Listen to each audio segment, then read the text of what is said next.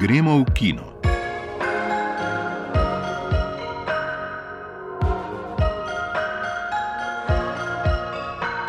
Drage poslušalke, dragi poslušalci, lepo pozdravljeni. V nedeljo bodo v Los Angelesu podelili zlate globuse, ki so tradicionalno odprli sezono filmskih nagrad. Letos bo podelitev potekala brez zvezdnic in zvezdnikov, rdeče preproge ali televizijskega prenosa. Marca so zaradi škandala v zvezi s pomankanjem raznolikosti v članstvu Združenja tujih novinarjev v Hollywoodu in neetičnega delovanja sodelovanje z njimi prekinile tako posamezniki kot številne organizacije, med drugim televizijska mreža NBC.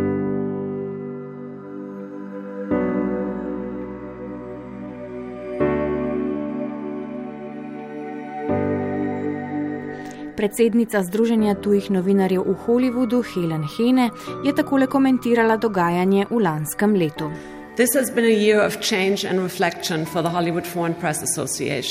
Za Združenje tujih novinarjev v Hollywoodu je bilo to leto sprememb in razmisleka. Kot organizacija smo si v tem času neutrudno prizadevali, da bi se izboljšali.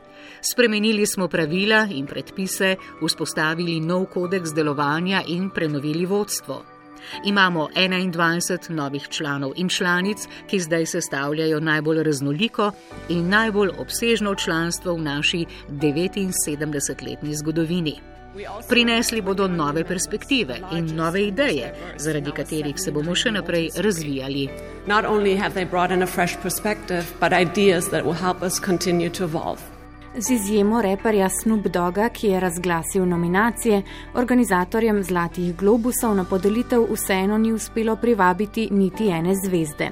Igor Harp meni, da so udeležbo zavrnile že zato, ker ta brez televizijskega prenosa za nje nima smisla, poročanje o dogodku pa bo letos močno omejeno. Pri nadaljnih projektih pa po njegovem kot reference štejejo le Oskari, druge nagrade so manj pomembne.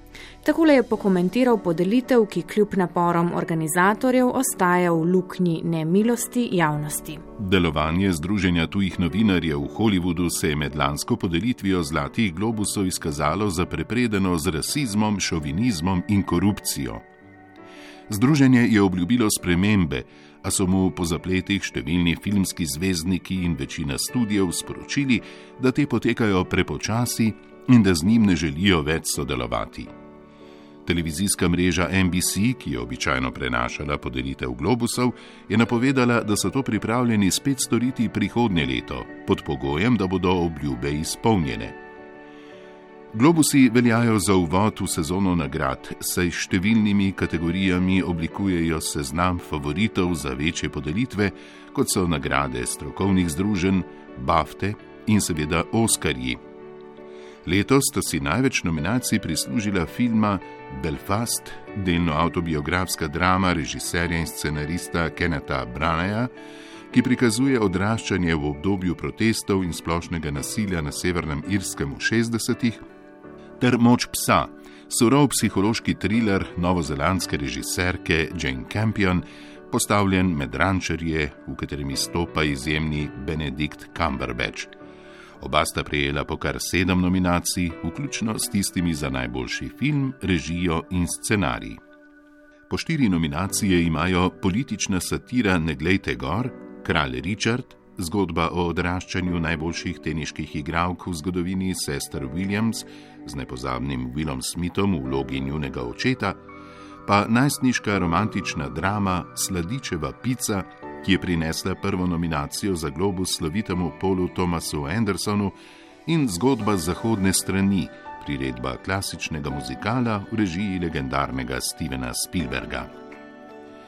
Izbor nominirancev je bil dobro sprejet, tako zaradi filmske ponudbe, kot tudi širše družbene reprezentacije, ki je bila ena najbolj žgočih točk kritik lanskega leta. Za režijo sta tako nominirani dve režiserki, med igralci v dramskih filmih jih je več kot polovica temnopoltih, prav tako med stranskimi igralkami. Zaradi filma Koda o dekletu, ki odrašča v gluhonemi družini, a na to postane glasbenica, pa je med nominiranci tudi gluhonemi igralec Troj Kocur. Zlati globusi Poleg filmov nagradijo tudi televizijske serije, v katerih letos po nominacijah vodi drama o korporaciji Nasledstvo, sledita pa novinarska drama Dobro jutro in komedija, ki je v zadnjem letu osvojila največ src, Ted Lasso. Ne glede na zmagovalce, je že zdaj jasno, da so v spredju vsebine iz pretočnih videotek, saj predstavljajo večino nominirancev za film in tako rekoč vse televizijske. I hear there's uh, something you don't like the looks of. We discovered a very large comet. Oh, good for you. It's headed directly towards Earth. This comet Film, zaradi katerega je v zadnjih tednih završalo po družabnih omrežjih, je Ne glejte gor, težko pričakovana politična satira Edama McKeja, v kateri nastopajo Leonardo DiCaprio, Jennifer Lawrence, Meryl Streep, Jonah Hill in številna druga zvezdniška imena. Znanstveniki ugotovijo, da bo čez nekaj mesecev konec sveta, saj bo na Zemljo trčil komet, a v družbi, kot jo upodablja Ne glejte gor, je to skoraj postranska novica. Film si je ogledal Moani Sinanovič. Ne glejte gor je tipična Netflixova produkcija, filmska inačica hitre hrane, polna hormonov, začimb in aditivov, ki ustvarjajo ugodje ob gledanju izpeljava šal, ambientalna, sproščujoča glasba, zvezdniška zasedba, ki odlično upodobi enoplastne like, hiter tempo, ki poskrbi, da nam načeta pozornost teže uide. Večplasten vizualni jezik in estetika sta pri tem nujna žrtev. Kot tipična Netflixova produkcija pa je film poln tudi posrečenih domislic in pronicljivih komentarjev. Kar film naredi posebej zanimiv, je to, da se njegova oblika povsem ujema z vsebino. Je lekcija o tem, kako sta spektakel in kapitalizem skupaj s tehnologijo zmožna pogotniti vse, vključno s koncem sveta. Politika je že dolgo stvar mnenja, mnenja pa oblikujejo in merijo spletni algoritmi. Spektakel je preveč mikaven, da bi se čemu eksistencialno zavezali, kriterij za pristope k reševanju sveta pa je dobiček tehnoloških gurujev. Nove oblike fašizma postanejo mnenja, odpor pa kolumnistični kulturni boj in prepiri na družabnih omrežjih. Resno se jemljemo skoraj le še v okviru ironije.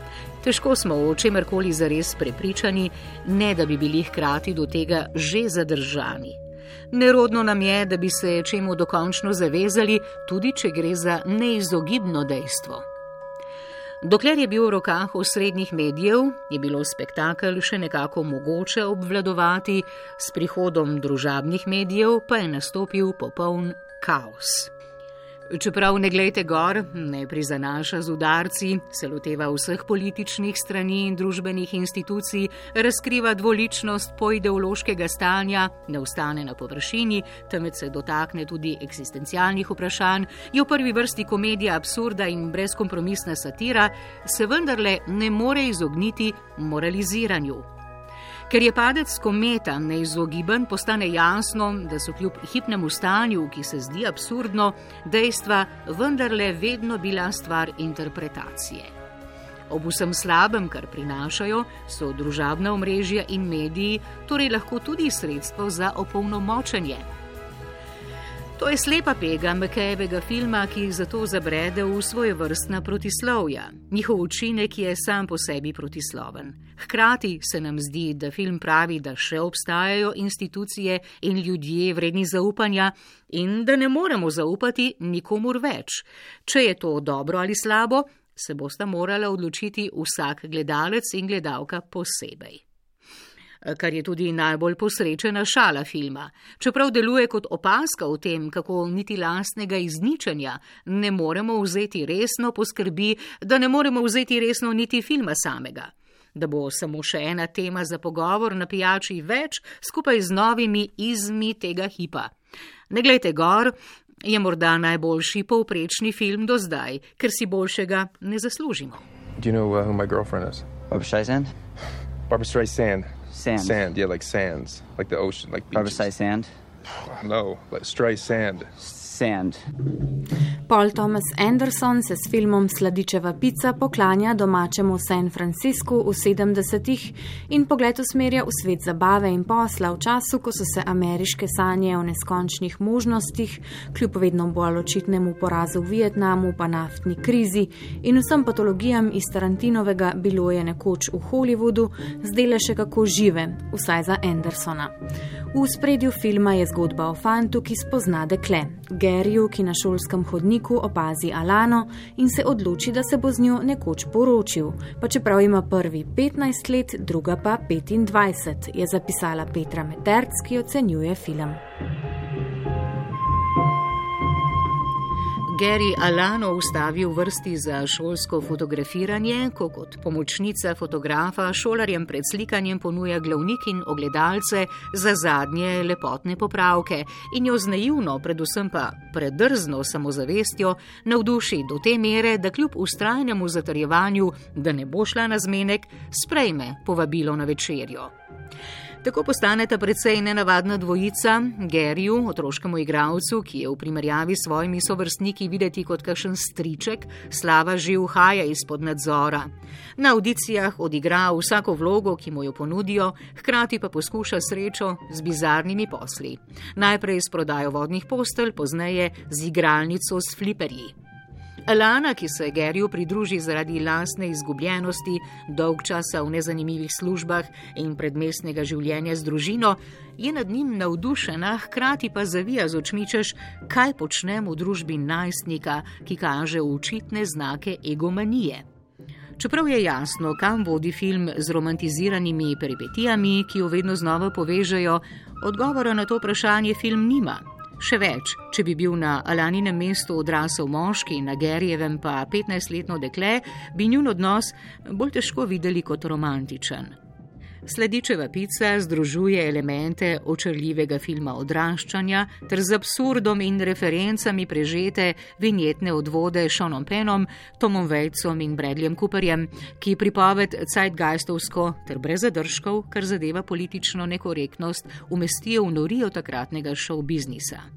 Osrednja lika pa onkraj začetnega navdušenja drugega nad drugim pozabi zares razviti.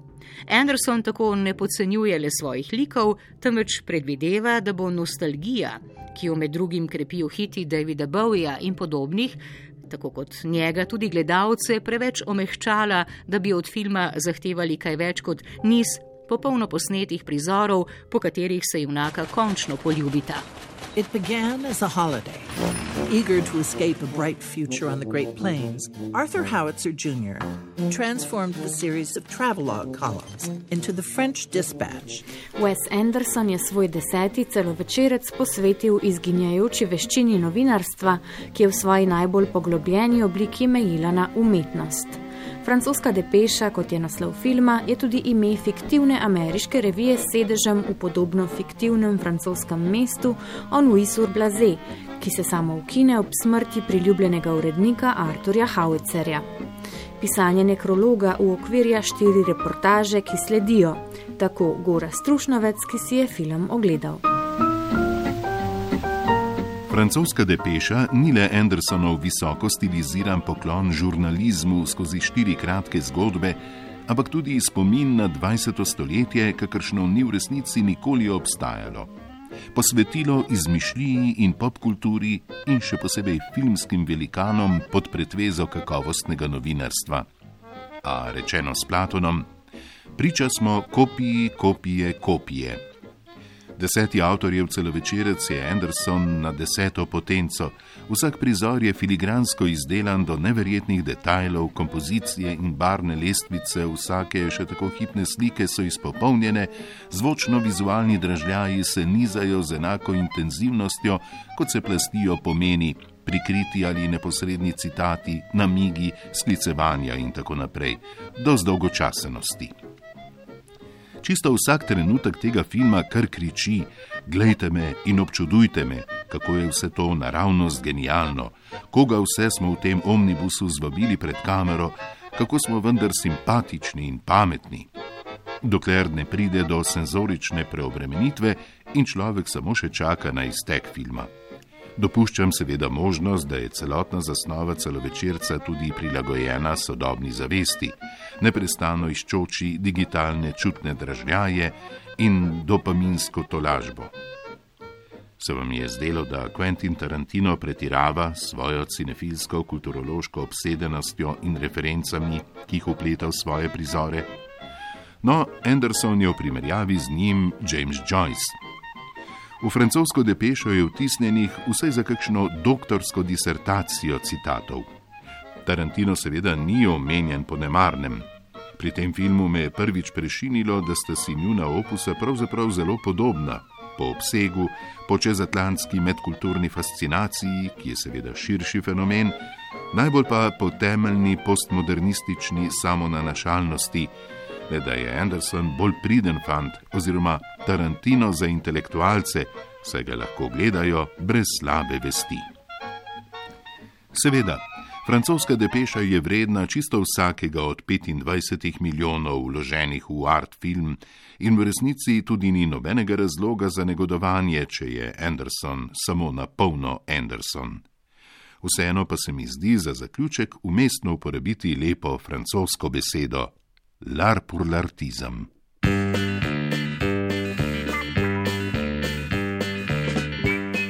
V slovenski kinoteki se je v tem tednu pričel cikl filma z naslovom Napad smeha, s katerim se s strahovi, tesnobami, jezo in žalostjo, ki jih morda vzbujajo trenutne razmere, poskušajo spopasti s humorjem.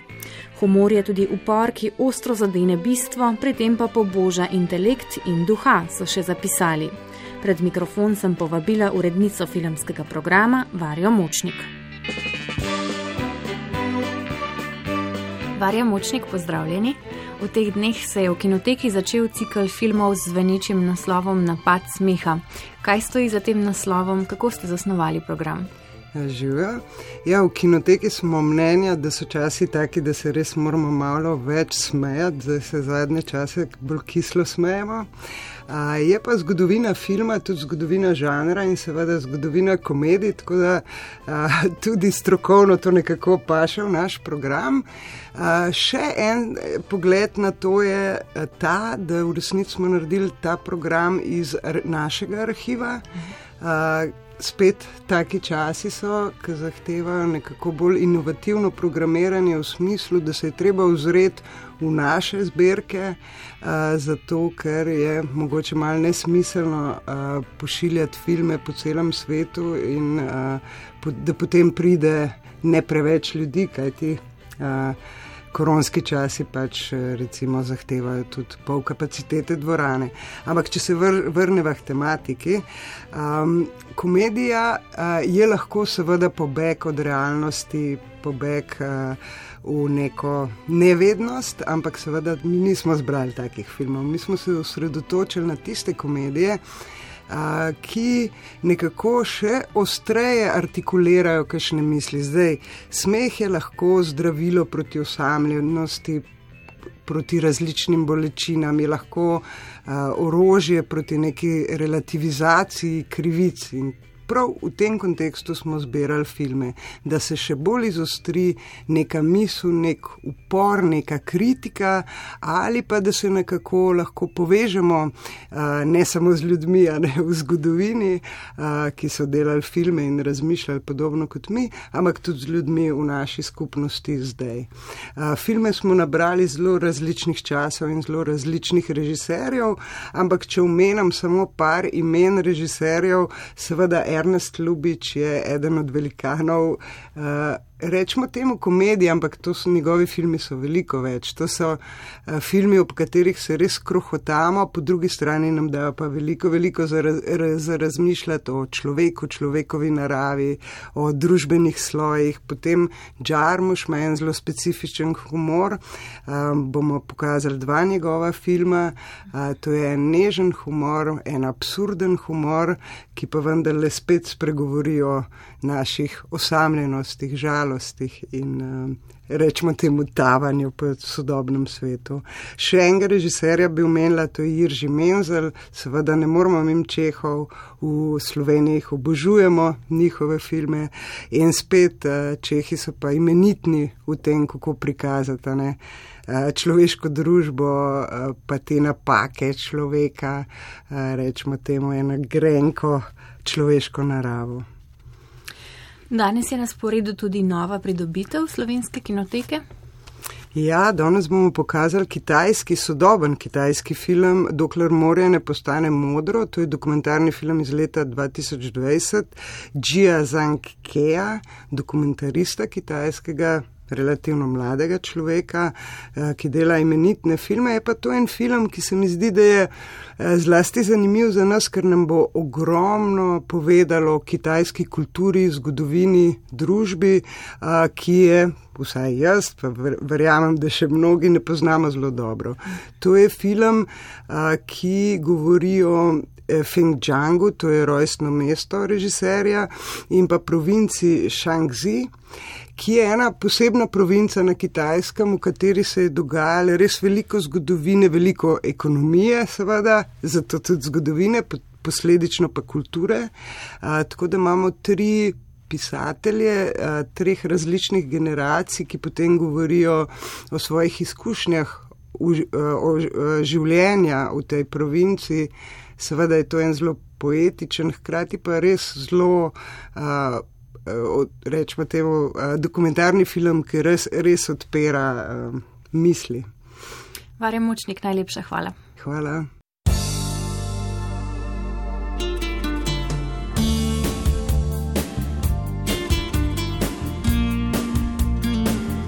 Dokumentarni film Poletje 91 je nastal z obsežno iskalno akcijo, v kateri so prebivalce Slovenije povabili, naj jim pošljajo domače videoposnetke in s tem dovolijo pogled v svoje doživljanje osamosvojitve v letu 1991. Iskanje je bilo po besedah režiserja filma Žige Virca uspešno, dobili so na stotine ur materijala od več kot 60 posameznikov in institucij. Z njihovo pomočjo je nastal, kot pravi, nov in neobremenjen pogled v duh časa in vsakdanjika prebivalcev Slovenije na križišču zgodovine.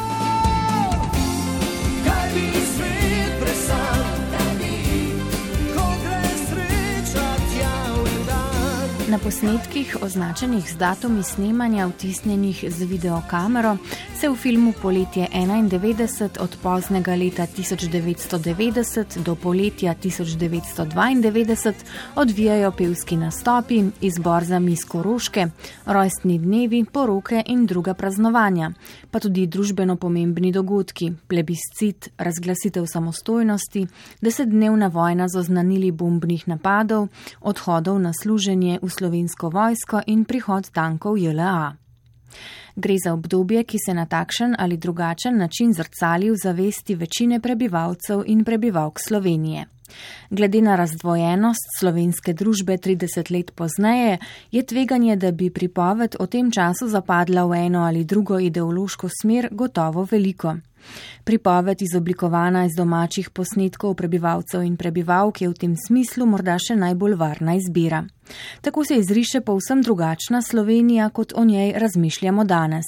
Slovenci so na njej videti kot docela drug narod.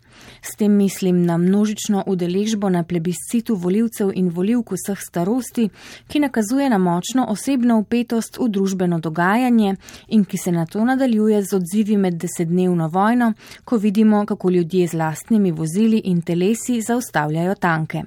Slišimo, da je tukaj naše ozemlje, pa verze o tem, kako smo na slovenskem mi gospodar. Zdi se, da so trenutki, ki jih prikazujejo ti posnetki, nekako še najbližje slovenskim sanjam, če so ti kdaj sploh obstajale in jih kot take prežema grenko sladka nostalgija. Virc posnetke organizira ciklično, začnejo in končajo se s petjem pesmi, a začetek vseeno deluje čisto drugačen od konca. Na prvi pogled dogajanje leta 1990 prežema večja neizkušenost, morda nedolžnost. Ne na zadnje smo tik pred velikimi družbenimi spremembami, a se v resnici izkaže, da je bila resnična neizkušenost, celo naivnost, tista v letu 1992, ko je bilo zelo lahko verjeti, da je najhuje že za nami, medtem ko so težko prihodnost že napovedovala poročila o začetku spopadov v Sarajevu in pričevanje brezposelnega očeta štirih otrok. Žiga Virc je z njihovo subtilno umestitvijo še enkrat dokazal, da mu gre delo z arhivskimi posnetki odlično od rok.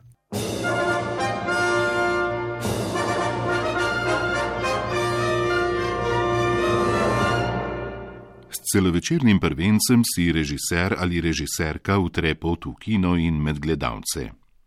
Dobrodošlo je, da po koncu študija pot do prvenca ni preveč ovinkasta ali predolga. Nastanek celovečernih prvencev smo v Sloveniji načrtno in z javnim sofinanciranjem začeli podpirati leta 2010, vendar to ne pomeni, da predtem niso nastajali odlični prvenci.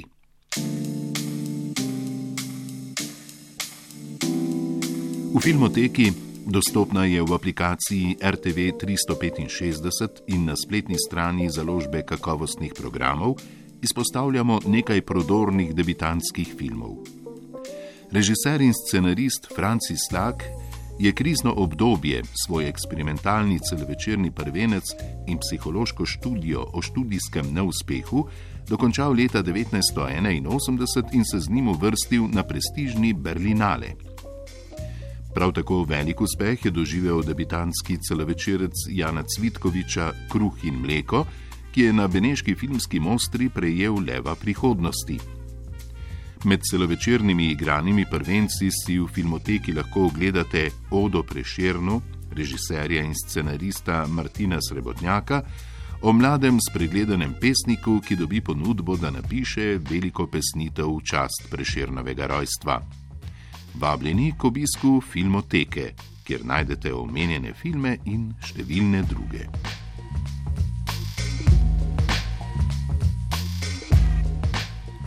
Končujemo z žalostno vestjo. V 82. letu starosti je umrl režiser in igralec Peter Bogdanovič, eno ključnih imen novega Hollywooda. Še posebno znan je po filmih Zadnja predstava in Papirnati mesec.